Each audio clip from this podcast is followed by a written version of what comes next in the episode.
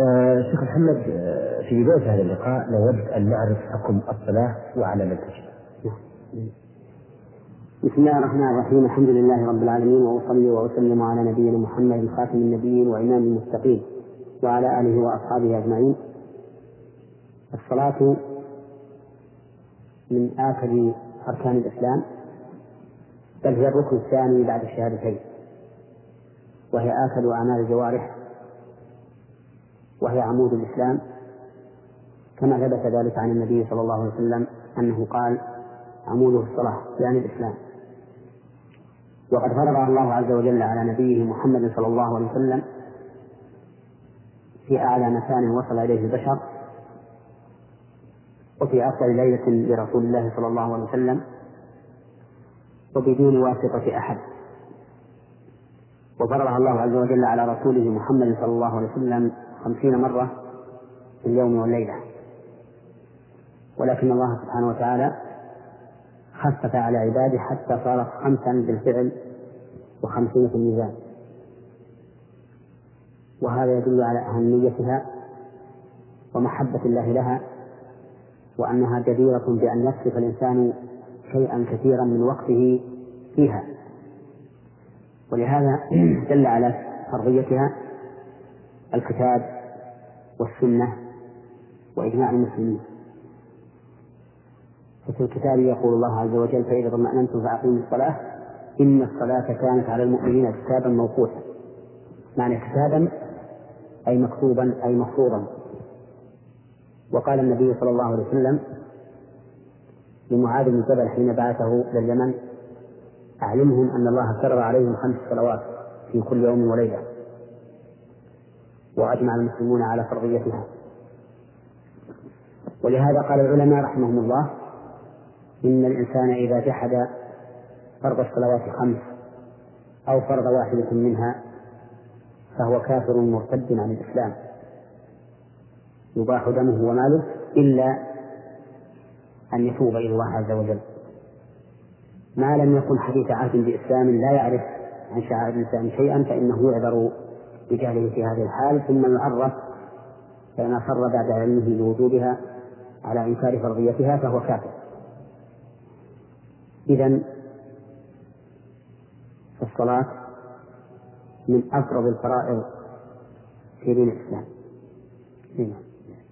آه، طيب نود نعرف على نعم تجب على كل مسلم بالغ عاقل من ذكر أو أنثى.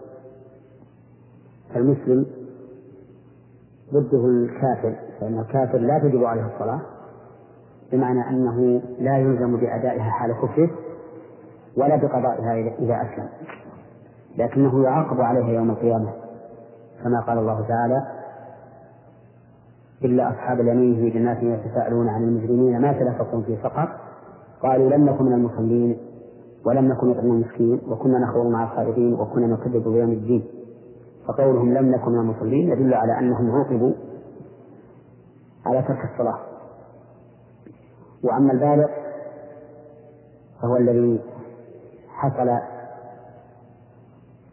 له واحدة من علامات البلوغ وهي ثلاث بالنسبة للرجل وأربع بالنسبة للمرأة.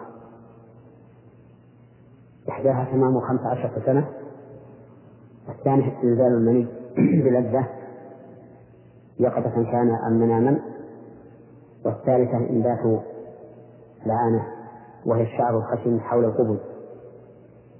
هذه الثلاث العلامات تكون من الرجال والنساء وتزيد المرأة علامة الرابعة وهي الحيض. فإن الحيض من علامات البلوغ. وأما العاقل فضده المجنون الذي لا عقل له. ومنه الرجل الكبير أو المرأة الكبيرة إذا بلغ به الكبر إذا حد فقد التمييز وهو ما يعرف عندنا بالمهذري فإنه لا تجب عليه الصلاة حينئذ لعدم وجود العقل فيه في حقه نعم. آه، أيضا نريد وأما وأما الحيض والنفاس فهو مانع من وجوب الصلاة.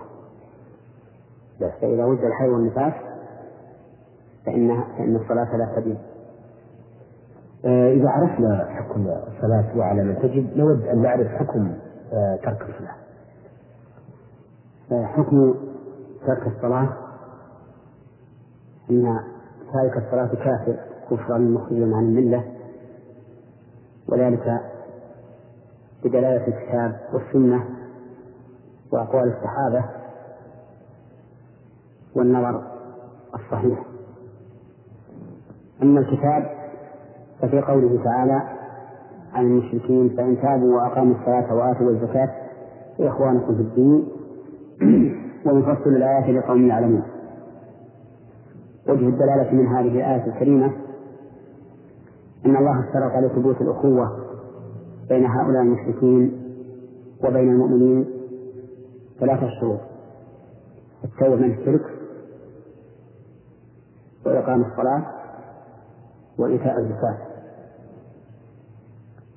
فإذا تخلف أحد هذه الثلاثة لم يكونوا إخوة لنا في الدين ولا تنتفي الأخوة في الدين إلا بالكفر المخرج عن الملة.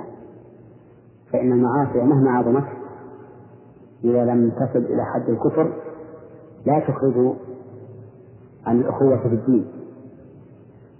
ألا ترى إلى قوله تعالى في آية القصاص في من قتل أخاه. عمدا. قال عز وجل فمن عفي له من أخيه شيء فاتباع بالمعروف وأداء إليه بإحسان. فجعل الله تعالى القاتل أخا للمقتول مع أن قتل المؤمن عمدا من أعظم الكبائر.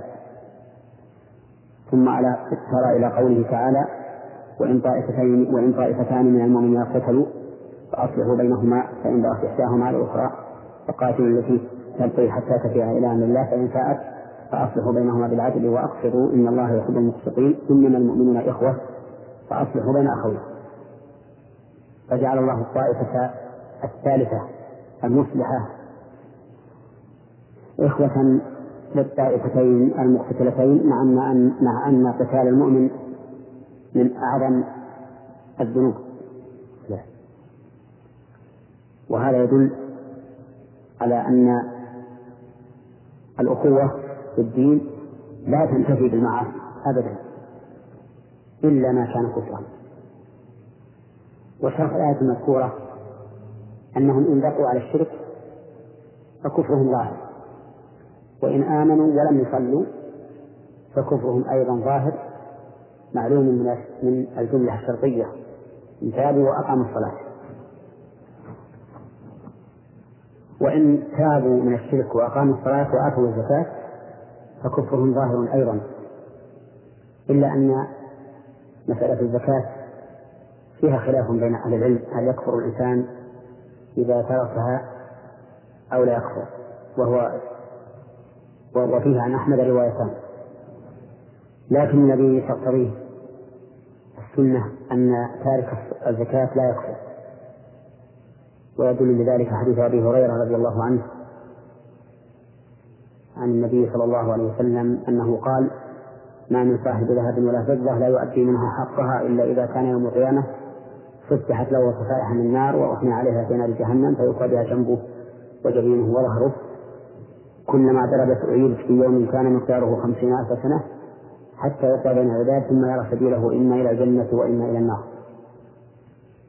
فإن هذا الحديث يدل على أنه لا يكفر بمنع الزكاة إذ لو كفر لم يكن له سبيل إلى الجنة. وعلى هذا فتكون الزكاة خارجة من هذا الحكم بمقتضى دلالة السنة. أما الدليل من السنة على كفر تارك الصلاة فقوله صلى الله عليه وسلم فيما رواه مسلم من حديث جابر رضي الله عنه بين الرجل وبين الشرك والكفر ترك الصلاة. ووجه الدلالة من الحديث أنه جعل هناك فاصلا بين الإيمان والكفر وهو الصلاة. وهو واضح في أنه لا إيمان لمن لمن لم يصلي لأن هذا هو نقص الحد لأن الحد يفصل بين المحدودين. وقوله بين الرجل وبين الشرك والكفر ولم يقل بين الرجل وبين كفر منكرا. والكفر إذا دخلت عليه أل كان المراد به الكفر الحقيقي. بخلاف ما إذا كان منكرا كما في قوله صلى الله عليه وسلم اثنتان في الناس هما بهم الكفر الطعن في النسب والناحة على الميت. فإن هذا لا يقتضي الخروج من الإسلام. لأنه قال هما بهم كفر يعني هاتين الخصلتين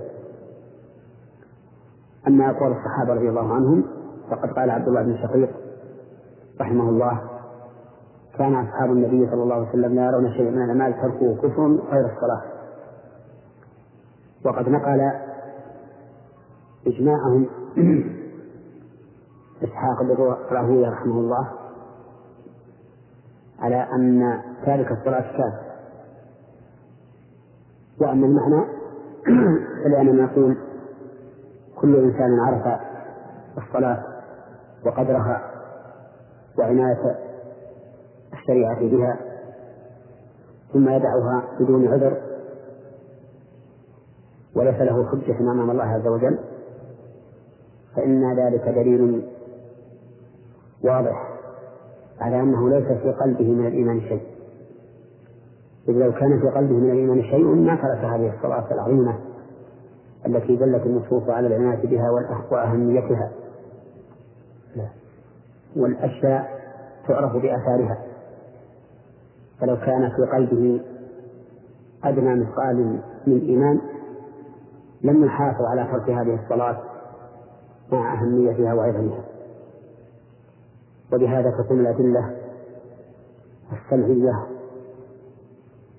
والنظرية دالة على أن تارك الصلاة كافر كفرا مخرجا عن الملة. وتكون مقتضية للحذر من هذا العمل الشنيع الذي يتهاون به اليوم كثير من الناس. لا. ولكن باب التوبة مفتوح ولله الحمد. كما قال تعالى فخلف من بعدهم خلف أضاعوا الصلاة واتبعوا الشهوات فسوف يلقون غيا إلا من تاب وآمن وعمل صالحا فأولئك يدخلون الجنة ولا يظلمون شيئا في الناس عدل التي وعد الرحمن عباده بالغيب إنه كان وعده ماتيا لا يسمعون فيها لغوا إلا سلاما ولهم يلقون فيها بكرة وعشيا فنسأل الله أن يهدينا وإخواننا المسلمين بالقيام بطاعته على الوجه الذي يرضيه عنا. لا. أثابكم الله. آه شيخ محمد عرفنا في لقاء مضى آه أن تارك الصلاة آه يحكم عليه بالكفر. لكن نريد أن نعرف ما الذي يترتب على هذا الحكم على تارك الصلاة. الحمد لله رب العالمين وأصلي وأسلم على نبينا محمد وعلى آله وأصحابه أجمعين. يترتب على ترك الصلاة المؤدي إلى الكفر يترتب عليه ما يترتب على أي مرتد آخر بسبب يقتضي الردة والذي يترتب على ذلك أحكام دنيوية وأحكام أخروية. فمن الأحكام الدنيوية أنه لا يحل أن يزوج لأن الكافر لا يحل أن يزوج بمسلمة. لقول الله تعالى يا أيها الذين آمنوا إذا جاءكم مؤمنات مهاجرات فامتحنوهن الله أعلم بإيمانهن. فإن علمتموهن مؤمنات فلا ترجعوهن إلى الكفار. لا هم حل لهم ولا هم يحلون لهم. ولقوله تعالى ولا تنكحوا المشركين حتى يؤمنوا. ومن عقد لشخص على ابنته المسلمة وهذا الشخص لا يصلي فإن النكاح باطل. ولا تحل به المرأة لهذا الرجل ولا يستبيح منها ما يستبيح الرجل من امرأته لأنها محرمة عليه. فإن هداه الله ومن عليه بالتوبة فلا بد من إعادة العقد الحكم الثاني سقوط ولايته فلا يكون وليا على بناته ولا على قريباته فلا يزوج أحدا منهم. لأنه لا ولاية لكافر على مسلم. الثالث سقوط حقه من الحضانة فلا يكون له حق في حضانة أولاده لأنه لا حضانة لكافر على مسلم. فلن يجعل الله للكافرين على المؤمن سبيلا. الرابع تحريم ما ذكاه من الحيوان فذبيحته التي يذبحها حرام لأن من شرط حل الذبيحة أن يكون الذابح مسلما أو كتابيا وهو اليهودي والنصراني. والمرتد ليس من هؤلاء فذبيحته حرام. الحكم الخامس أنه لا يحل له دخول مكة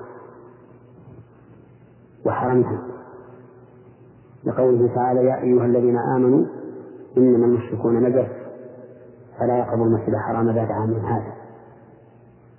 وعليه فلا يحل لأحد أن يمكن من لا يصلي من دخول مكة وحرمها.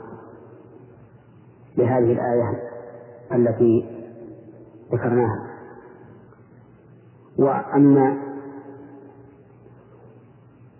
الأحكام الأخوية فمنها أنه إذا مات لا يغسل ولا يكفن ولا يصلى عليه ولا يدخل في مقابر المسلمين لأنه ليس منهم وإنما يخرج به إلى مكان منفرد فيدفن لئلا يتأذى الناس برائحته أو يتأذى أهله بمشاهدته ولا يحل لأحد أن يدعو بالرحمة لمن مات من أقاربه وهو يعلم أنه لا يصلي. لقوله تعالى ما كان للنبي والذين آمنوا أن يستغفروا للمشركين ولو كانوا أولي قربى من بعد ما تبين لهم أنهم أصحاب الجحيم ولا يقولن قائل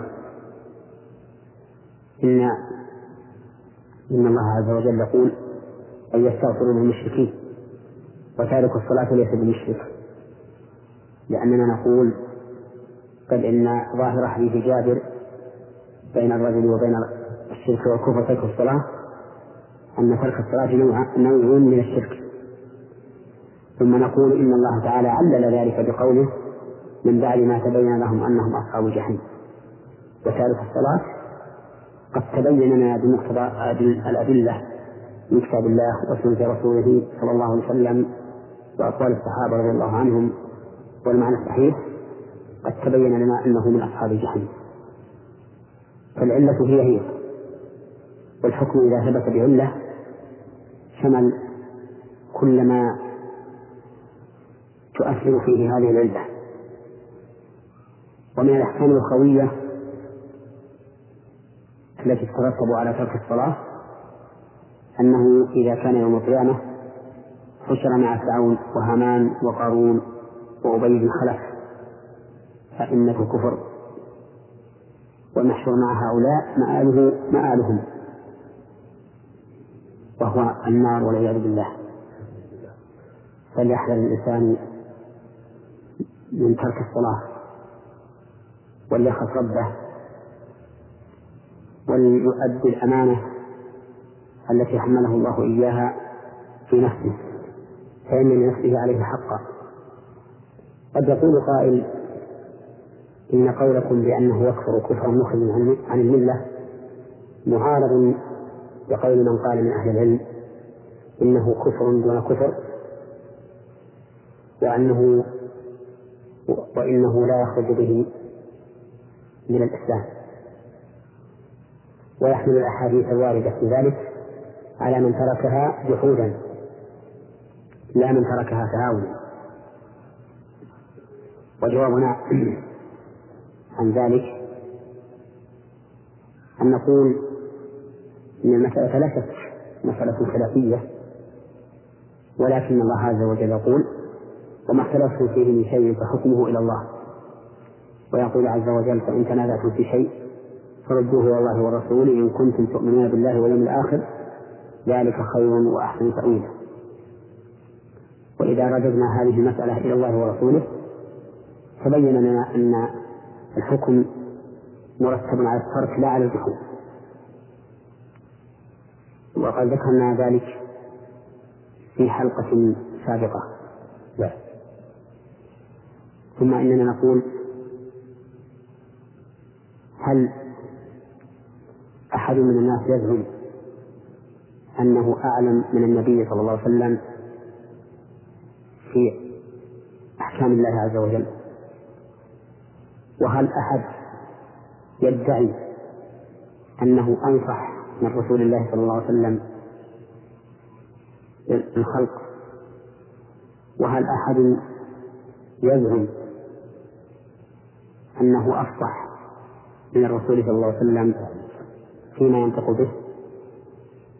وهل أحد يزعم أنه أعلم من النبي صلى الله عليه وسلم بما يريده؟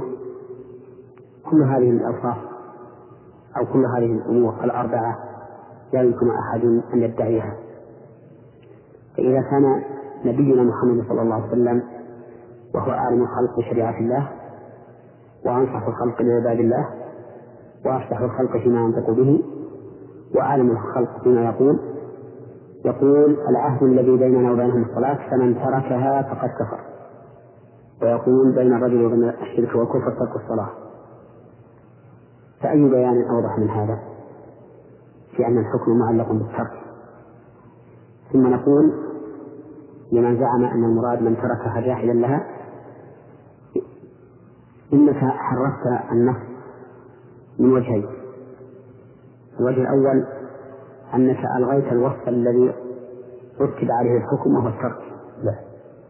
الوجه الثاني أنك جعلت وصفا يتعلق بالحكم لا يدل عليه اللفظ وهو الجحد فأين الجحد في قول الرسول عليه الصلاة والسلام من تركها فقد كفر. ثم إننا نقول إذا جحد الإنسان فرض الصلاة فهو كافر وإن صلى. فهل تقول أنت إنه إذا جحدها وصلى لم يكن كافرا؟ فيقول لا. فيقول إني أقول إذا جحدها أي جحد وجوبها فهو كافر وإن صلى. فنقول إذا خالفت الحديث. الحديث يقول فمن تركها. وأنت قلت إن الحديث يراد به من تركها جاحدا لها. والكفر على زعمك. والكفر مرتب على زعمك على من تركها جاحدا لا من جحدها بدون فرق. وأنت لا تقول بهذا أي لا تقول إن من جحدها بلا فرق يكون مسلما. فتبين بهذا وضوح وضوح فتبين بهذا واتضح أن القول الصواب أن من تركها متهاونا متكاسلا فهو كافر. أما من جحدها فهو كافر سواء صلى أم لم يصلي. وما أشبه هذه الدعوة أعني دعوى أن المراد من تركها جحدا لوجوبها ما أشبهها فيما نقل عن الإمام أحمد في قوله تعالى ومن يقتل مؤمنا متعمدا فجزاؤه جهنم خالدا فيها وغضب الله عليه ولعنه وأعد له عذابا عظيما. قيل للإمام أحمد إن بعض الناس يقول إن المراد من قتل مؤمنا مستحلا بقتله. فتعجب فتعجب الإمام أحمد من هذا وقال إنه إذا استحل قتله فإنه كافر سواء قتله أم لم يقتله. والآية علقت الحكم بالقتل. وهذا نظير مسألتنا في من ترك الصلاة. لا ونحن إذا قلنا بكفر تارك الصلاة فإننا نبرأ إلى الله عز وجل أن نقول عليه ما, لم ما, ما لا يدل عليه كلامه أو كلام رسوله صلى الله عليه وسلم. ونرى أن القول بالتكفير كالقول بالإيجاب والتحريم. لا يتلقى إلا من جهة الشرع. وأن الجرأة على القول بالتكفير كالجرأة على القول بالإيجاب فيما لم يجب وبالتحريم فيما لم فيما لم يحرم لأن الكل أمره إلى الله عز وجل. لا التحليل والتحريم والإيجاب والبراءة ولا التكفير وعدم التكفير كله أمره إلى الله عز وجل. فعلى المرء أن يقول بما يقتضيه كلام الله وكلام رسوله صلى الله عليه وسلم ولا يلاحظ أي أسباب تخالف ذلك. نعم. شكرا. آه شيخ محمد في لقائنا هذا نود أن نعرف ما هي شروط الصلاة. آه وماذا يترتب عليها الحمد لله رب العالمين والصلاة والسلام على نبينا محمد وعلى آله وأصحابه أجمعين. شروط الصلاة؟ ما يتوقف عليه صحة الصلاة. لأن الشرط في اللغة العلامة كما قال الله تعالى فهل ينظرون إلا الساعة أن تأتيهم بغتة فقد جاء أشراطها؟ أي علاماتها. والشرط في الشرع اصطلاحين أهل الأصول ما يلزم من عدمه العدم ولا يلزم من وجوده الوجود. وشروط الصلاة عدة أهمها الوقت. كما قال الله تعالى إن الصلاة كانت على المؤمنين كتابا موقوتا. ولهذا يسقط كثير من من الواجبات مراعاة للوقت. وينبغي الواجب على الإنسان أن يحافظ على أن تكون الصلاة في وقتها. وأوقات الصلاة ذكرها الله تعالى مجملة في كتابه وذكرها النبي صلى الله عليه وسلم مفصلة في سنته. أما في الكتاب العزيز فقال الله تعالى أقم الصلاة لدلوك الشمس إلى غسق الليل وقرآن الفجر إن قرآن الفجر كان مشهودا. فقوله تعالى لدلوك الشمس أي زوالها وقوله إلى غسق الليل أي انتصاف الليل. لأن أقوى غسق في الليل نصفه. وهذا الوقت من نصف النهار إلى نصف الليل يشتمل على أوقات أربع صلوات الظهر والعصر والمغرب والعشاء. وهذه الأوقات كلها متتالية ليس بينها فاصل. فوقت الظهر من زوال الشمس إلى أن يصير ظل الشيء كطوله. ووقت العصر من هذا الوقت إلى اصفرار الشمس الوقت الاختياري وإلى غروب الشمس الوقت الاضطراري ووقت المغرب من غروب الشمس إلى مغرب الشفق وهو الحمرة التي تكون في الأفق بعد غروب الشمس. ووقت العشاء من هذا الوقت إلى منتصف الليل. هذه هي الأوقات الأربعة المتصلة بعضها ببعض. وأما من نصف الليل إلى طلوع الفجر فليس وقتا لصلاة الفريضة.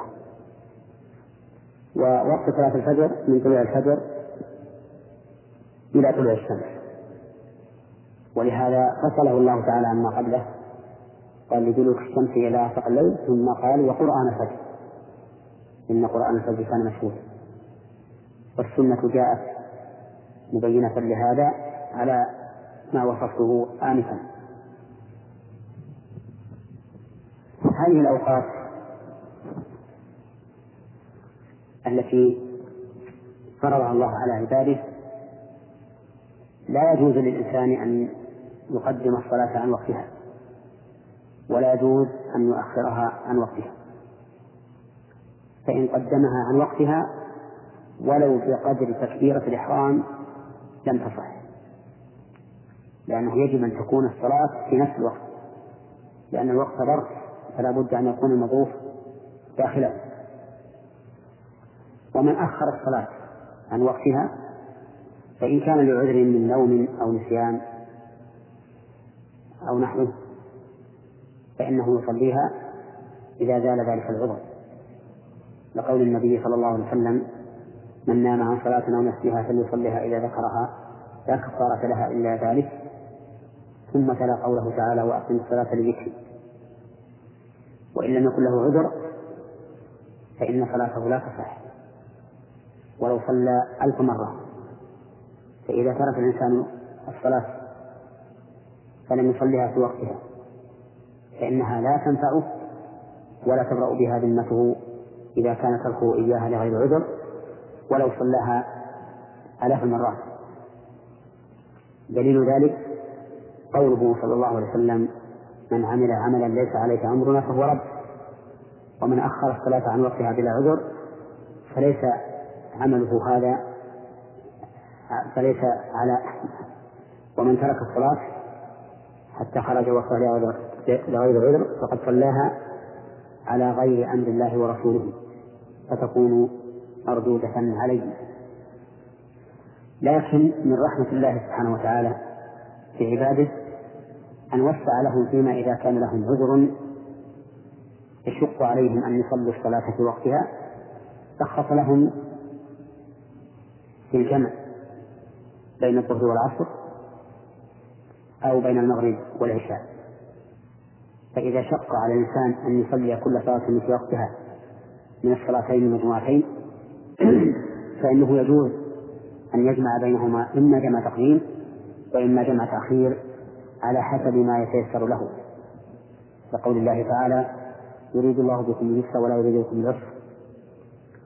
وثبت في صحيح مسلم وثبت في صحيح مسلم من حديث ابن عباس رضي الله عنهما أن النبي صلى الله عليه وسلم جمع في المدينة بين الظهر والعصر وبين المغرب والعشاء من غير خوف ولا مطر. فسئل ابن عباس عن ذلك يعني لما صنع الرسول صلى الله عليه وسلم هذا؟ قال أراد أن لا يحرج أمته. ففي هذا دليل على أن الإنسان إذا لحقه مشقة في ترك الجمع بين الظهر والعصر أو بين المغرب أو بين المغرب والعشاء فإنه يجوز له أن يجمع بينهما. هذا الوقت أهم الشروط ولهذا كان الوقت شرطا وسببا. من الشروط أيضا ستر العورة لقوله تعالى يا بني آدم خذوا زينتكم عند كل مسجد وكلوا واشربوا ولا تسرفوا وقال النبي صلى الله عليه وسلم لجابر بن عبد الله الثوب. قال إن كان ضيقا فاتزر به وإن كان واسعا فالتحس به. وقال صلى الله عليه وسلم فيما رواه أبو هريرة لا يصلي أحدكم في الثوب الواحد ليس على عاتقه منه شيء. وهذا يدل على أنه يجب على الإنسان أن يكون مستترا في حال الصلاة. وقد نقل ابن عبد البر رحمه الله إجماع العلماء على ذلك. وأن من صلى عريانا مع قدرته على السترة فإن صلاته لا تصح. وفي هذا المجال قسم العلماء رحمهم الله العورة إلى ثلاثة أقسام. مخففة ومغلظة ومتوسطة. فالمغلظة عورة المرأة الحرة البالغة. قالوا إن جميع بدنها عورة في الصلاة إلا وجهها. واختلفوا في الكفين والقدمين. والمخففة عورة الذكر من سبع سنين إلى عشر سنين. فإن عورته خرجان القبول والدبر فلا يجب عليه أن يستر فخذه لأنه فريض. والمتوسطة ما عدا ذلك. قالوا فالواجب فيها كف ما بين السرة والركبة. فيدخل في ذلك الرجل البالغ البالغ عشرا. و أنا فيدخل في ذلك الرجل البالغ عشرا فما فوق ويدخل في ذلك المرأة التي لم تبلغ ويدخل في ذلك الأمة المملوكة. ومع هذا فإننا نقول المشروع في حق كل إنسان أن يأخذ زينته عند كل صلاة وأن يلبس اللباس الكامل. لكن لو فرض أنه كان هناك خرق في ثوبه على ما على ما يكون داخلا ضمن العورة فإنه حينئذ يناقش فيه هل تصح صلاته أو لا تصح ثم أن المرأة إذا كان حولها رجال غير محارم فإنه يجب عليها أن تستر وجهها ولو في الصلاة. لا. لأن المرأة لا يجوز لها كشف وجهها عند غير محارمها لا. هذان شرطان من شروط الصلاة. إذا قبل أن نخرج بالشرط الثاني إذا كان فيه خلق لو قلت يناقش فيه. نعم. كيف؟ إذا كان فيه خلق فإنه يناقش فيه. إذ أنه يفرق بين اليسير والكثير ويفرق بين ما كان على حذاء العورة المغلظة كالفرجين وما كان متطرفا الذي يكون في طرف فخذ وما أشبه ذلك. لا. أو يكون في في الظهر من فوق الأليتين أو في البطن من دون السرة وفوق السوءة. المهم أنه أن كل مكان آه، له حظه من من من تغليظ العورة. نعم. ولعل سؤالك هذا أيضا يجرنا إلى التنبيه على مسألة يفعلها بعض الناس في أيام الصيف يلبس سراويل قصيرة ثم يلبس فوقها ثوبا شفافا يصف البشرة. نعم. ويصلي. فهذا لا تصح صلاته.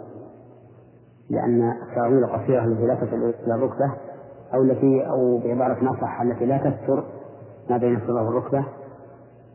إذا لبس فوقها ثوبا خفيفا نسف البشرة فإنه لم يكن ساترا لعورته التي يجب عليه أن يسترها في الصلاة ومعنى قولنا نسف البشرة أي يبين يبين من ورائه لون الجلد هل هو أحمر أو أسود. أو بين ذلك وليس معنى أن يبين حجم الجلد فإن هذا لا يضر وإن, وإن كان كلما كان أفخم فهو أفضل لكنه لا يضر لأنه ليس ليس بشفاف يرى من ورائه البشرة نعم كيف يكون حجم الجلد؟ يعني مثلا يوجد ثياب إذا كان تحتها سراويل نعم تعرف الفرق بين حد السروال من من بقية الجلد. نعم لكنه لا يتبين لك لون الجلد. لا يتبين لك لون الجلد. فهذا تصح الصلاة معه لكن كلما كان أسخن فهو أفضل هذا يكون اللباس فيه رقة وليس فيه رقة لكن لا لا. خفة نعم. آه شكرا لهذا إذا بدأ بقية الشروط للقاء القادم إن شاء الله. محمد شيخ محمد آه، كنا قد سألنا في الحلقة الماضية عن شروط الصلاة آه وعرفنا الوقت وستر العورة. آه نريد أن نحصل أو نعرف آه بقية هذه الشروط. الحمد لله رب العالمين وأصلي وأسلم على نبينا محمد خاتم النبيين وإمام المتقين وعلى آله وأصحابه أجمعين. من شروط الصلاة الطهارة وهي نوعان طهارة من الحدث وطهارة من النجس. والحدث نوعان حدث أكبر وهو ما يوجب الغسل وحدث أصغر وهو ما يوجب الوضوء وقد سبق لنا في حلقات سابقة ذكر الغسل والوضوء وأسبابهما وهي نواقض الوضوء وموجبات الغسل. فلا حاجة إلى إعادته مرة أخرى. نعم. لكن الذي يهمنا هنا أن نبين أن الطهارة من الحدث شرط وهو من باب الأوامر التي يطلب فعلها لا التي يطلب اجتنابها. والقاعدة المعروفة عند أهل العلم أن ترك المأمور لا يغير فيه بالنسيان والجهل. وبناء على ذلك فلو أن أحدا من الناس صلى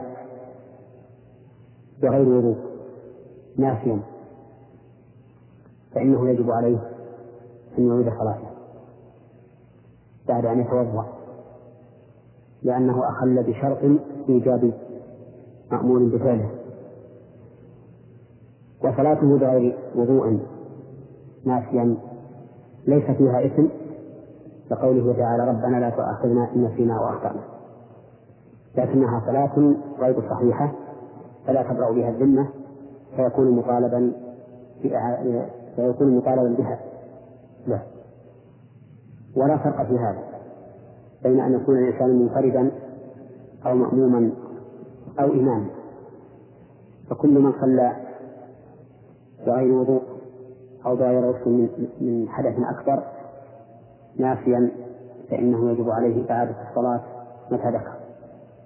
حتى وإن كان إماما. إلا أنه إذا كان إماما وذكر في أثناء الصلاة فإنه ينصرف ويأمر من خلفه أن يتم الصلاة. فيقول لأحدهم تقدم أتم الصلاة بهم. فإن لم يفعل أي لم يعين من من يتم الصلاة بهم قدموا واحدا منهم فأتم. فإن لم يفعلوا أتم كل واحد على نفسه.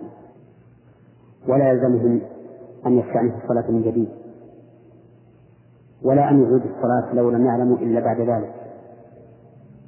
لأنهم معذورون حيث إنهم لا يعلمون حال إيمانهم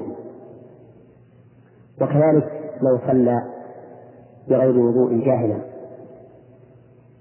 فلو قدم إليه طعام وفيه لحم إبل وأكل من لحم الإبل وهو لا يدري أنه لحم إبل ثم قام فصلى ثم علم بعد ذلك فإنه يجب عليه أن يتوضأ ويعيد صلاته. ولا إثم عليه حين صلى وقد انتقض وضوءه وهو لا يدري بانتقاضه. لقوله تعالى ربنا لا تؤاخذنا إن نسينا أو أخطأنا أما الشق الثاني من الطهارة لكن في هذه الحالة قبل أن ننتقل إلى الشق الثاني نعم. آه لو انصرف الإمام من الصلاة ولم يعلم هو والمأمومون لم يعلم الإمام إلا بعد أن انقضت الصلاة نعم فما حكم ذلك وهل تعتبر صلاة المأمومين آه كل شخص لوحده منفردا أم لا؟ حكم ذلك أن الإمام يجب عليه إعادة الصلاة؟ لا. وأما المأمومون فلا تجب عليهم إعادة الصلاة. وهم في الأجر قد نالوا أجر الجماعة لأنهم صلوا جماعة فيكتب لهم الأجر. لا. و ولا يخفى أيضا هذا تسليم لما سبق. ولا يخفى أيضا أن الإنسان أننا إذا قلنا إنه صلى بغير وضوء أو بغير أو بغير غسل من الجنابة أنه إذا كان معذورا لا يتمكن من استعمال الماء فإنه يتيمم بدلا عنه. فالتيمم عند تعذر استعمال الماء يقوم مقام الماء. فإذا قدر أن هذا الرجل لا لم يجد الماء وتيمم وصلى فصلاته صحيحة ولو بقي أشهرا ليس عنده ماء أو لو بقي أشهر أشهرا مريضا لا يستطيع أن يستعمل الماء فإن صلاته بالتيمم صحيحة. لا. فالتيمم يقوم مقام الماء عند تعذر استعماله. وإذا قلنا إنه يقوم مقامه عند تعذر استعماله فإن فإنه إذا تطهر بالتيمم بقي على طهارته. حتى تنتقض الطهارة حتى لو خرج الوقت. وهو على تيممه فإنه لازمه إعادة التيمم للصلاة الثانية. لأن التيمم مطهر كما قال الله تعالى في آية المائدة لما ذكر التيمم قال ما يريد الله ليجعل عليكم من حرج ولكن يريد ليطهركم وليتم نعمته عليكم. وقال النبي عليه الصلاة والسلام جعلت الأرض مسجدا فتهورا أما الشق الثاني من الطهارة آه، أيضا لو آه، ربما يفسر عن آه، هل يجوز أن يؤم متيمم بمتوضأ؟ نعم. نقول نعم يجوز أن يكون المتيمم إماما للمتوضأ لأن كل منهما قد صلى بطهارة مأذون فيها. نعم. أما الشق الثاني وهذه المرة الثالثة التي أقولها. الشق الثاني الطهارة من النجاسة وموضوعها ثلاث ثلاثة البدن والثوب والبقعة فلا بد أن يتنزه الإنسان عن النجاسة في بدنه وثوبه وبقعته. ودليل ذلك في البدن أن النبي صلى الله عليه وسلم مر بقبرين فقال إنهما لو يعذبان وما يعذبان في كبير أما أحدهما فكان لا يستبرئ من البول. وكذلك أمر النبي صلى الله عليه وسلم المرأة الحائض إذا أصاب الحيض ثوبها أن تغسله ثم تصلي فيه ففيه دليل على وجوب تطهير الثوب من النجاسة وقد ثبت عن النبي عليه الصلاة والسلام أنه أتي بصبي لم يأكل الطعام فوضعه في حجر استدال عليه فدعا بماء من فدعا بماء من من ماء فأتبعه إياه.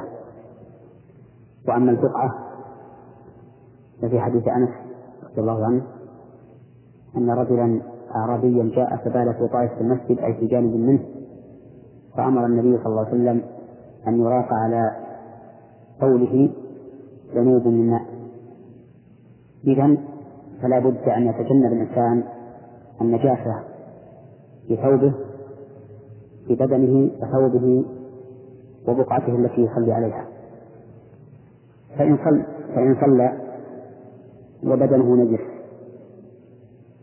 أي قد أصابته نجاسة لم يغسلها أو ثوبه نجس أو بقعته نجسة ولكنه لم يعلم بهذه النجاسة أو علم بها ثم نسي أن يغسلها حتى تمت صلاته فإن صلاته صحيحة ولا يلزمه أن يعيد ودليل ذلك أن النبي صلى الله عليه وسلم صلى بأصحابه ذات يوم فخلع عليه فخلع الناس نعالهم. فلما صرف النبي صلى الله عليه وسلم سألهم لماذا خلعوا نعالهم؟ قالوا رأيناك خلعتنا ليس خلعنا نعالنا فقال إن جبريل عفاني فأخبرني أن فيهما أذى أو قال قدرا. ولو كانت الصلاة تبطل باستصحاب النجاسة حال الجهل لاستأنف النبي صلى الله عليه وسلم الصلاة. فإن الإنسان لو ذكر أنه لم يتوضأ في أثناء صلاته وجب عليه أن ينصرف ويتوضأ. لا. إذا اجتناب النجاسة في البدن والثوب والبقعة شرط لصحة الصلاة لكن إذا لم يتجنب الإنسان النجاسة جاهلا أو ناسيا وصلى فإن صلاته صحيحة سواء علم بها قبل الصلاة ثم نسي أن يغسلها أو لم يعلم بها إلا بعد الصلاة. فإن قلت ما الفرق بين هذا وبين ما إذا صلى بغير وضوء ناسيا أو جاهلا حيث أمرنا من صلى بغير وضوء ناسيا أو جاهلا بالإعادة ولم نأمر هذا الذي صلى بالنجاسة ناسيا أو جاهلا بالإعادة قلنا الفرق بينهما أن الوضوء أو الغسل من باب فعل المأمور وأما اجتناب النجاسة فهو من باب ترك المحظور. وفعل المأمور لا يعذر فيه بالجهل والنسيان بخلاف ترك المحظور نعم. نعم. إذا آه، هل بقي شيء من شيء؟ نعم. ذهب الآن تكلمنا على ثلاث الوقت وستر العورة والطهارة؟ ومن شروط الصلاة استقبال القبلة. لقول الله تعالى قد نرى تقلب وجهك في السماء فلنولينك قبلة من نرضاها فولي وجهك شطر مثل الحرام. فحيث ما كنتم فولوا وجوهكم شطرة. فاستقبال القبلة شرط لصحة الصلاة. فمن صلى إلى غير القبلة فصلاته باطلة غير صحيحة ولا مبرئة لذمته إلا في أحوال ثلاث بل في أحوال أربع. الحال الأولى إذا كان عاجزا عن استقبال القبلة مثل أن يكون مريضا وجهه إلى غير القبلة ولا يتمكن من الانصراف إلى القبلة فإن هذا فإن صلاته تصح. على أي جهة كان. لقول الله تعالى فاتقوا الله ما استطعتم. وهذا الرجل لا يستطيع أن يتحول إلى القبلة لا بنفسه ولا بغيره. الحالة الثانية إذا كان خائفا. يعني خائفا من عدو. وكان هاربا ووجهه واتجاهه إلى غير القبلة ففي هذه الحال يسقط عنه استقبال القبلة. لقول الله تعالى فإن خفتم فرجالا أو ركبانا ومعلوم أن الخائف قد يكون اتجاهه إلى القبلة وقد يكون اتجاهه إلى غير القبلة فإذا رخص الله له في الصلاة راجلا أو راكبا فمقتضى ذلك أن يرخص له في الاتجاه إلى غير القبلة إذا كان يخاف على نفسه إذا اتجه إلى القبلة. نعم. الحالة الثالثة إذا كان في سفر وأراد أن يصلي النافلة فإنه يصلي حيث كان حيث كانت جهة سيره ثبت ذلك عن النبي صلى الله عليه وسلم أنه كان يصلي في السفر حيث كان وجهه إلا أنه لا يصلي المكتوبة. وفي النافلة يصلي المسافر حيث كان وجهه بخلاف الفريضة لأن الفريضة يجب عليه أن يستقبل قبلة فيها في السفر. الحالة الرابعة إذا كان قد اشتبهت عليه القبلة فلا يدري أي جهات تكون القبلة ففي هذه الحال يتحرى بقدر ما يستطيع ويتجه حيث غلب على ظنه أن ذلك هو أن ذلك أو أن تلك الجهة هي القبلة ولا إعادة عليه لو تبين له فيما بعد أنه مصل إلى غير القبلة. لا. وقد يقول قائل إن هذه الحال لا لا وجه للاستثناء لأننا نلزمه أن يصلي إلى الجهة التي يغلب على ظنه أنها القبلة ولا يضره إذا لم يوافق القبلة لأن هذا منتهى قدرته واستطاعته. وقد قال الله تعالى لا يكلف الله نفسا إلا وسعها. وقال تعالى فاتقوا الله ما استطعتم. آه، إذا نتوقف عند هذا الحد نظرا لانتهاء وقت البرنامج على أن نستأنف في اللقاء القادم إن شاء الله. إن شاء الله. شكرا أثابكم الله. بهذا نأتي أيها السادة على نهاية لقائنا هذا الذي استضفنا فيه فضل الشيخ محمد بن صالح اليمين الأستاذ في فرع جامعة الإمام محمد بن سعود الإسلامية في القصيم وإمام وخطيب الجامع الكبير من مدينة علوية. آه شكرا لهذا الشيخ محمد وشكرا لكم أيها السادة وإلى أن نلتقي بحضراتكم نستودعكم الله والسلام عليكم ورحمة الله وبركاته. بسم الله الرحمن الرحيم أيها المستمعون الكرام السلام عليكم ورحمة الله وبركاته وأهلا ومرحبا بكم في لقائنا هذا الذي نستضيفه فيه فضل الشيخ محمد بن صالح العثيمين الأستاذ في فرع جامعة الإمام محمد بن سعود الإسلامية في القصيم وإمام وخطيب الجامع الكبير بمدينة عنيزة. مرحبا بنا الشيخ محمد. مرحبا بكم وأهلا. آه الشيخ محمد كنا قد سألنا عن شروط الصلاة وماذا يترتب عليها وذكرتم من شروط الصلاة الوقت وستر العورة والطهارة واستقبال القبلة. آه في لقائنا هذا نود أن نستكمل بقية هذه الشروط. نعم. الحمد لله رب العالمين وأصلي وأسلم على نبينا محمد وعلى آله وأصحابه أجمعين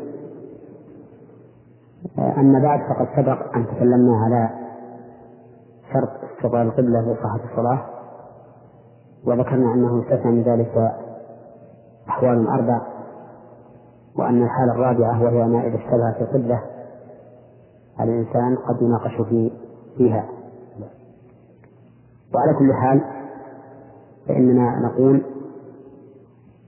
سواء جعلناها مما يستثنى أو مما لا يستثنى فإن الإنسان فيها يجب عليه أن يتقي الله ما استطاع وأن يتحرى الصواب ويعمل به.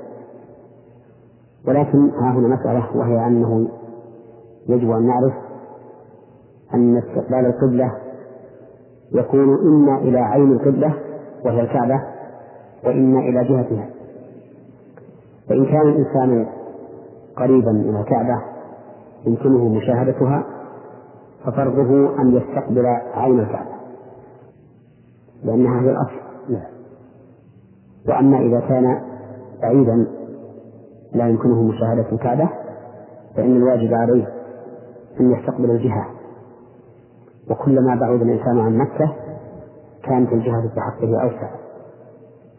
لأن الدائرة كلما تباعدت اتسعت. ولهذا قال النبي صلى الله عليه وسلم ما بين المشرق والمغرب قبلة. هذا بالنسبة لأهل المدينة. وذكر أهل العلم رحمهم الله أن الانحراف اليسير في الجهة لا يضر والجهات معروف أنها أربع الشمال والجنوب والشرق والغرب.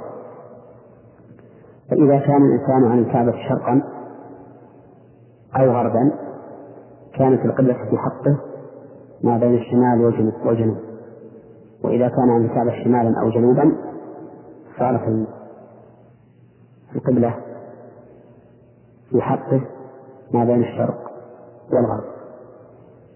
لأن الواجب استقبال الجهة. لا.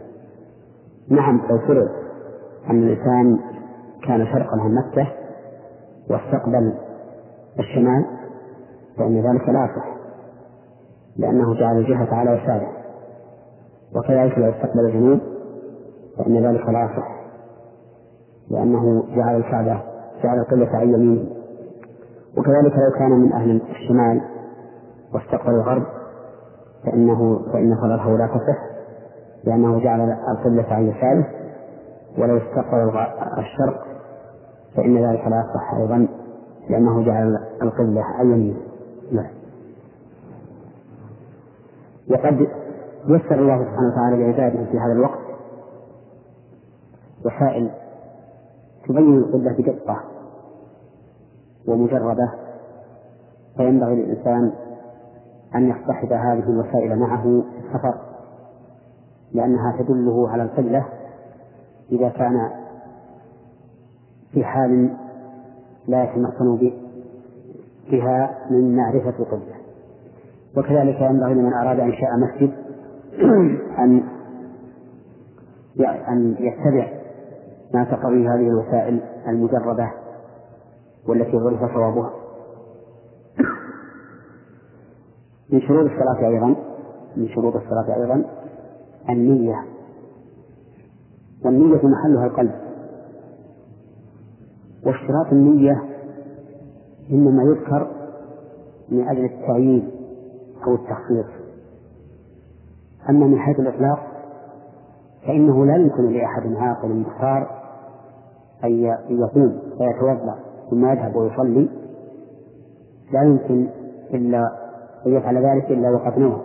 بالصلاة لكن الكلام على التعيين. التعيين لا بد منه في النية. ثاني الظهر.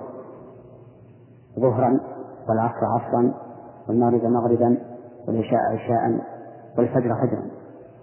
لا بد من ذلك. لا يكفي نية الصلاة المطلقة لأن نية الصلاة المطلقة أهم من نية الصلاة المعينة. والأعم لا يقضي على الأخص. فمن نوى الأعم لم يكن ناويا للأخص ومن نوى الأخص كان ناويا للأعم لدخوله. به ولهذا نقول إذا انتقل الإنسان من مطلق إلى معين أو من معين إلى معين لم يصح ما انتقل إليه. وأما ما انتقل منه وإن كان من مطلق إلى معين نية الإطلاق. وإن كان من معين إلى معين بطل الأول والثاني. وهذا القول مجمل يبينه في الأمثلة. رجل دخل رجل أخذ يصلي ناويا نفلا مطلقا. ثم أراد أن يقلب النية في أثناء الصلاة. إلى نفل معين أراد أن يجعل هذا النفل المطلق راتبة. لا. فهنا نقول لا ينفع ذلك لأن الراتبة لابد أن تكون منوية من من قبل تسوية الإحرام وإلا لم تكن راتبة لأن الجزء الأول الذي خلا من نية الراتبة صار بغير بغير نية الراتبة. لكن لو كان يصلي راتبة ثم نواها نفلا مطلقا وألغى نية التعيين صح ذلك وذلك لأن الصلاة المعينة تتضمن نية التعيين ونية الإطلاق. فإذا ألغى نية التعيين بقي بقيت نية الإطلاق. مثال آخر رجل دخل يصلي بنية العصر ثم ذكر في أثناء الصلاة أنه لم يصلي الظهر. تحول نيته من العصر إلى الظهر فهنا لا تصح لا صلاة الظهر ولا صلاة العصر. أما صلاة العصر فلا تصح لأنه قطعها. وأما صلاة الظهر فلا تصح لأنه لم ينويها من أولها. لكن إذا كان جاهلا صارت هذه الصلاة في حقه نفلا لأنه لما ألغى التعيين بقي الإطلاق. والخلاصة إني أقول إن النية المطلقة في العبادات لا أظن أحدا لا ينويها أبدا. إذ ما من شخص يقول فيفعل إلا وقد نوى لكن الذي لا بد منه هو نية التعيين والتصحيح كذلك أيضا مما يدخل في النية نية الإمامة بعد أن كان منفردا. أو الائتمام بعد أن كان منفردا. وهذا فيه خلاف بين العلماء والصحيح أنه لا بأس به. فنية الإمامة بعد أن كان منفردا مثل أن يشرع الإنسان في الصلاة وهو منفرد ثم يأتي رجل آخر يدخل معه ليصير جماعة فلا بأس بذلك. لأن النبي صلى الله عليه وسلم قام يصلي من الليل. وكان ابن عباس رضي الله عنهما نائما ثم قام ابن عباس فتوضأ ودخل مع النبي صلى الله عليه وسلم وأقره النبي صلى الله عليه وسلم. والأصل أن ما ثبت في النفل ثبت في الفرض إلا بدليل. فلو شرع الإنسان يصلي وحده ثم جاء آخر فدخل معه ليجعله إماما له فلا بأس. ويكون الأول إماما والثاني مأموما. وكذلك بالعكس لو أن أحدا شرع في الصلاة منفردا ثم جاء جماعة فصلوا جماعة فانضم إليهم فقد انتقل من انفراد إلى ائتمان وهذا أيضا لا بأس به. لأن الانتقال هنا ليس إبطالا من النية الأولى ولكنه انتقال من وصف إلى وصف. فلا حرج فيه. نعم. آه، إذا آه، هل هناك أيضا شروط للصلاة؟ هذه من أهم الشروط التي ينبغي الكلام عليها ولا ولا فهناك شروط أخرى. نعم. كالإسلام والتمييز والعقل. لكن هذه شروط في كل عبادة. نعم. آه إذا بعد أن عرفنا حكم الصلاة وحكم ترك الصلاة وهو الذي يترتب على هذا الحكم الذي هو الكفر وعرفنا كذلك شروط الصلاة آه كما تفضلتم قبل قليل وفي دفعات الماضية نود أن نعرف صفة الصلاة آه، المفروضة نعم. معرفة صفة الصلاة كمعرفة صفة غيرها من العبادات من أهم ما يكون. وذلك لأن العبادة لا تتم إلا بالإخلاص لله والمتابعة لرسول الله صلى الله عليه وسلم. والمتابعة لرسول الله صلى الله عليه وسلم لا تمكن إلا بمعرفة كيفية عبادة الرسول عليه الصلاة والسلام حتى يتبعه الإنسان فيها. فمعرفة صفة الصلاة مهمة جدا. وإني أحث نفسي وإخواني المسلمين على أن يتلقوا صفة صلاة النبي صلى الله عليه وسلم من الكتب الصحيحة من كتب الحديث المعتبرة حتى يقيموها على حسب ما أقامها رسول الله صلى الله عليه وسلم الذي هو قدوتنا وإمامنا وأسوتنا صلوات الله وسلامه عليه وجعلنا من أتباعه بإخلاص. فصفة الصلاة أن يقوم الإنسان بشروطها السابقة التي تسبق عليها كالوضوء أو بعبارة أصح كالطهارة من الحدث والخبث واستقبال القبلة وغيرها من الشروط لأن شروط الصلاة تتقدم عليها. ثم يكبر. إذا آه، هذه أو المقدمة التي تفضلتم بها تجعلنا آه، نحرص على أن تتجزأ صفة الصلاة فنجعل آه، صفتها في حلقة مستقلة حتى نعقلها نحن والمستمعون وفقنا الله وإياكم. نعم. فضيلة الشيخ محمد آه، في هذا اللقاء نود أن تحدثنا عن صفة الصلاة بعد أن عرفنا حكمها وحكم تاركها وشروطها. الحمد لله رب العالمين وأصلي وأسلم على نبينا محمد وعلى آله وأصحابه أجمعين. نعم. سبق لنا في آخر حلقة مضت أن معرفة صفة الصلاة وغيرها من العبادات من أهم ما يكون لأن بها يتحقق الشرط الثاني من شروط العبادات وهو متابعة النبي صلى الله عليه وسلم. وها نحن نذكرها سائلين الله سبحانه وتعالى أن يوفقنا للصواب. فنقول بعد أن يأتي الإنسان بشروط الصلاة التي تصدقها من الطهارة وستر العورة واستقبال القبلة وغير ذلك يكبر فيقول الله أكبر رافعا يديه إلى حلو من كبيه أو إلى فروع أذنيه ثم يضع يده اليمنى على ذراعه اليسرى على صدره ثم يستفتح فيما ورد عن النبي صلى الله عليه وسلم من الاستفتاح. يستفتح بأي نوع ورد؟ إما بقول اللهم باعد بيني وبين خطاياي كما باعدت بين المشرق والمغرب اللهم نقني من خطاياي كما نقى الثوب الأبيض من الدنس اللهم اغفر من خطاياي بالماء والثلج والبرد. أو بقول سبحانك اللهم وبحمدك وتبارك اسمك وتعالى جدك ولا إله غيرك أو بغيرهما مما ورد عن النبي صلى الله عليه وسلم. ثم يقول أعوذ بالله من الشيطان الرجيم. بسم الله الرحمن الرحيم. ثم يقرأ الفاتحة. ويقف على كل آية منها. ويقول الحمد لله رب العالمين. الرحمن الرحيم.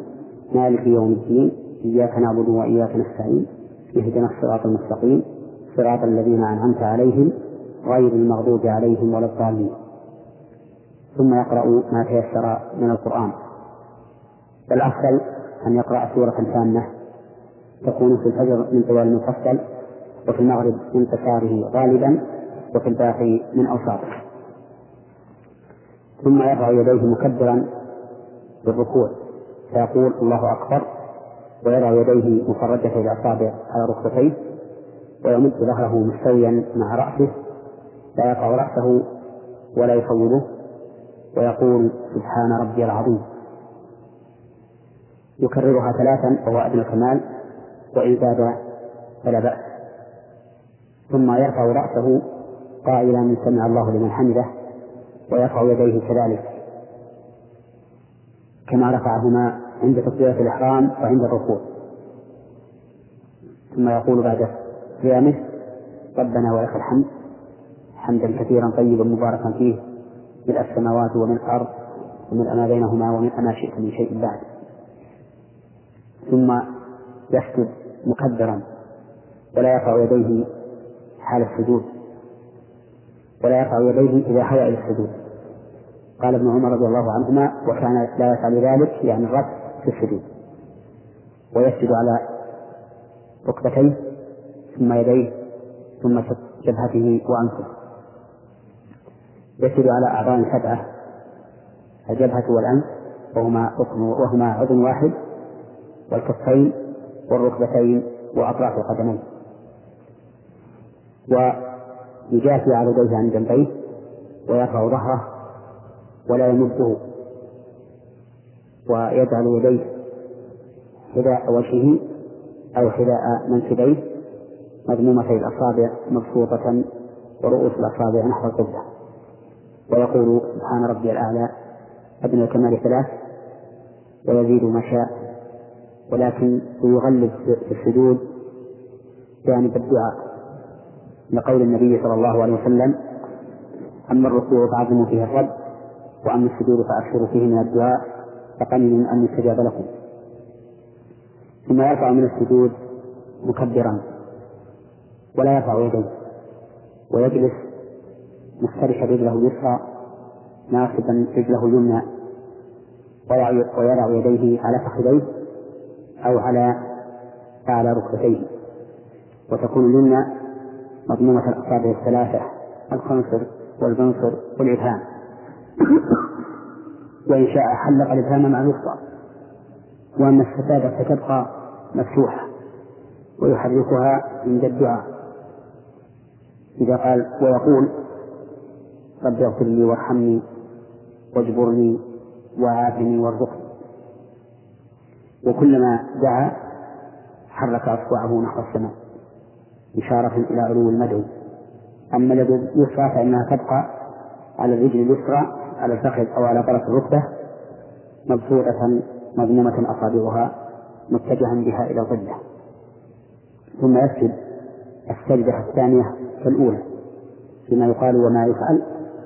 ثم يرفع من السجود إلى القيام مكبرا. ولا يرفع يديه عند هذا القيام لأن ذلك لم يرد عن النبي صلى الله عليه وسلم في حديث صحيح. ثم يقرأ الفاتحة وما تيسر لكن تكون قراءته دون القراءة في الركعة الأولى. ويصلي الركعة الثانية كما صلاها في الركعة الأولى ثم يجلس للتشهد. ويجلس للتشهد كجلوسه للدعاء بين السجدتين أن يفترش رجله اليمنى أن يفترش أن يفترش رجله اليسرى وينصب اليمنى. ويضع يده اليمنى على رجله اليمنى ويده اليسرى على رجله اليسرى على صفة ما سبق في الجلوس بين السجدتين ويقرأ التشهد. التحيات لله والصلوات والطيبات. السلام عليك أيها النبي ورحمة الله وبركاته. السلام علينا وعلى عباد الله الصالحين. أشهد أن لا إله إلا الله وأشهد أن محمدا عبده ورسوله. ثم إن كان في ثنائية كالفجر والنوافل فإنه يكمل التشهد فيستمر. اللهم صل على محمد وعلى آل محمد كما صليت على إبراهيم وعلى آل إبراهيم إنك حميد مجيد. اللهم بارك على محمد وعلى آل محمد كما باركت على إبراهيم وعلى آل إبراهيم إنك حميد مجيد. أعوذ بالله من عذاب جهنم ومن عذاب القبر ومن فتنة المحيا والممات ومن فتنة المسيح الدجال. ثم إن أحب أطال في الدعاء ما شاء. ثم يسلم عن يمينه. السلام عليكم ورحمة الله. وعن يساره. السلام عليكم ورحمة الله. أما إذا كان في ثلاثية أو رباعية فإنه بعد أن يقول في التشهد أشهد أن لا إله إلا الله وأشهد أن محمدا عبده ورسوله. يقوم فيصلي ما بقي من صلاته مقتصرا على قراءة الفاتحة. أما الركوع والسجود فكما سبق في الركعتين الأوليين. ثم يجلس في التشهد الثاني وهو التشهد الأخير لكن يكون جلوسه توركا. والتورك له ثلاث صفات. إما أن ينصب رجله اليمنى ويخرج اليسرى من تحت ساقها.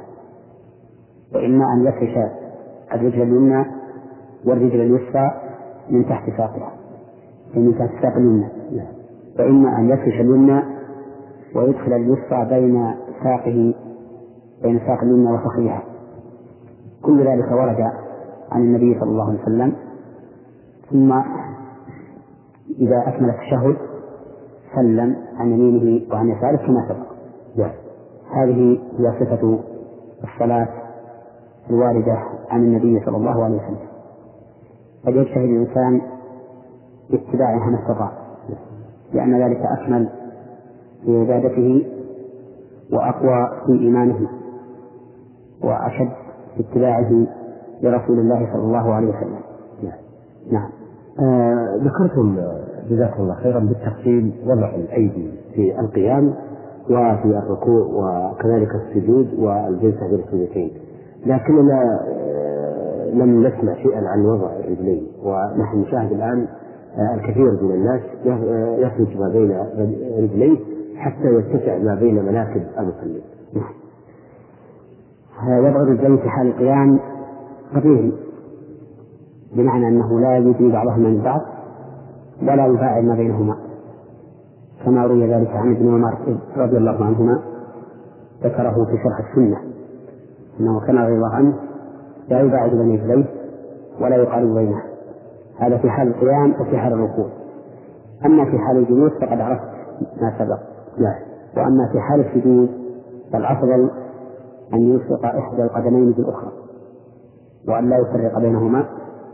كما يدل على ذلك حديث عائشة رضي الله عنها حين وقعت يدها على قدم النبي صلى الله عليه وسلم منصوبتين وهو ساجد ومعلوم أن اليد الواحدة لا تقع على قدمين منصوبتين إلا وبعضهما قد ضم إلى بعض وكذلك جاء صريحا في صحيح ابن خزيمة رحمه الله أنه يلصق إحدى القدمين بالأخرى في حال السجود. نعم. آه شكرا جزاكم الله خير. آه أيضا نود في لقائنا هذا آه بعد أن عرفنا صفة الصلاة أن نعرف أركان الصلاة. نعم.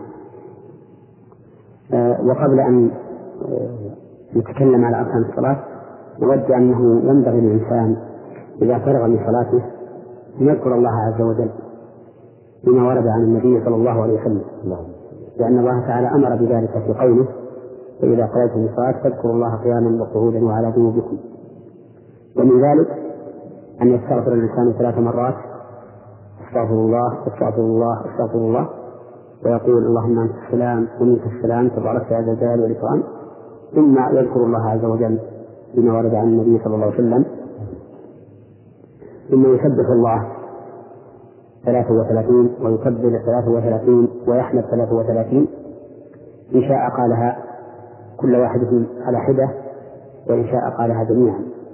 أي أنه إن شاء قال سبحان الله والحمد لله والله أكبر ثلاثة وثلاثين. وإن شاء قال سبحان الله سبحان الله سبحان الله ثلاثة وثلاثين ثم الحمد لله ثلاثة وثلاثين ثم الله أكبر ثلاثة وثلاثين. كل ذلك جائز. بل ويجوز أيضا صفة أخرى أن يسبح عشرا ويكبر عشرا ويحمد عشرا. وجائز صفة رابعة أن يقول سبحان الله الحمد لله ولا إله إلا الله والله أكبر خمسا وعشرين مرة فتكون مئة المهم أن كل ما ورد عن النبي صلى الله عليه وسلم من الأذكار بعد الصلاة فليقل إما على سبيل البدل أو على سبيل الجمع لأن بعض الأذكار يذكر بعضها بدلا من بعض وبعض الأذكار يذكر بعضها مع بعض فتكون مجموعة. فليحرص الإنسان على ذلك امتثالا لأمر الله تعالى وقوله فاذكروا الله واتباعا لسنة رسول الله صلى الله عليه وسلم. وإذا كان في المسجد فإن الأفضل أن يجهر بهذا الذكر. كما ثبت ذلك في صحيح البخاري من حديث ابن عباس رضي الله عنهما قال كان رفع الصوت بالذكر حين ينصرف الناس من المكتوبة على عهد النبي صلى الله عليه وسلم. فيسمي للمصلين أن يرفعوا أصواتهم بهذا الذكر اقتداء بالصحابة في عهد رسول الله صلى الله عليه وسلم. بل اقتداء بالرسول صلى الله عليه وسلم لأنه كان يرفع صوته بذلك. كما قال ابن عباس ما كنا نعرف انقضاء صلاة النبي صلى الله عليه وسلم إلا بالتكبير. وقول بعض أهل العلم أنه يتم الإصرار بهذا الذكر وأن جهر النبي صلى الله عليه وسلم كان للتعليم فيه نظر. فإن الأصل فيما فعله الرسول عليه الصلاة والسلام أن يكون مشروعا بأصله ووصفه. ومن المعلوم أنه لو لم يكن وصفه وهو رفع الصوت به مشروعا لكان يكفي ما علمه النبي صلى الله عليه وسلم أمته لأنه قد علمهم هذا الذكر بقوله فلا حاجة إلى أن يعلمهم برفع الصوت ثم أنه لو كان المقصود التعليم لكان التعليم يحصل بمرة أو مرتين ولا ولا ولا يحافظ عليه الرسول عليه الصلاة والسلام كلما سلم رفع صوته بالذكر.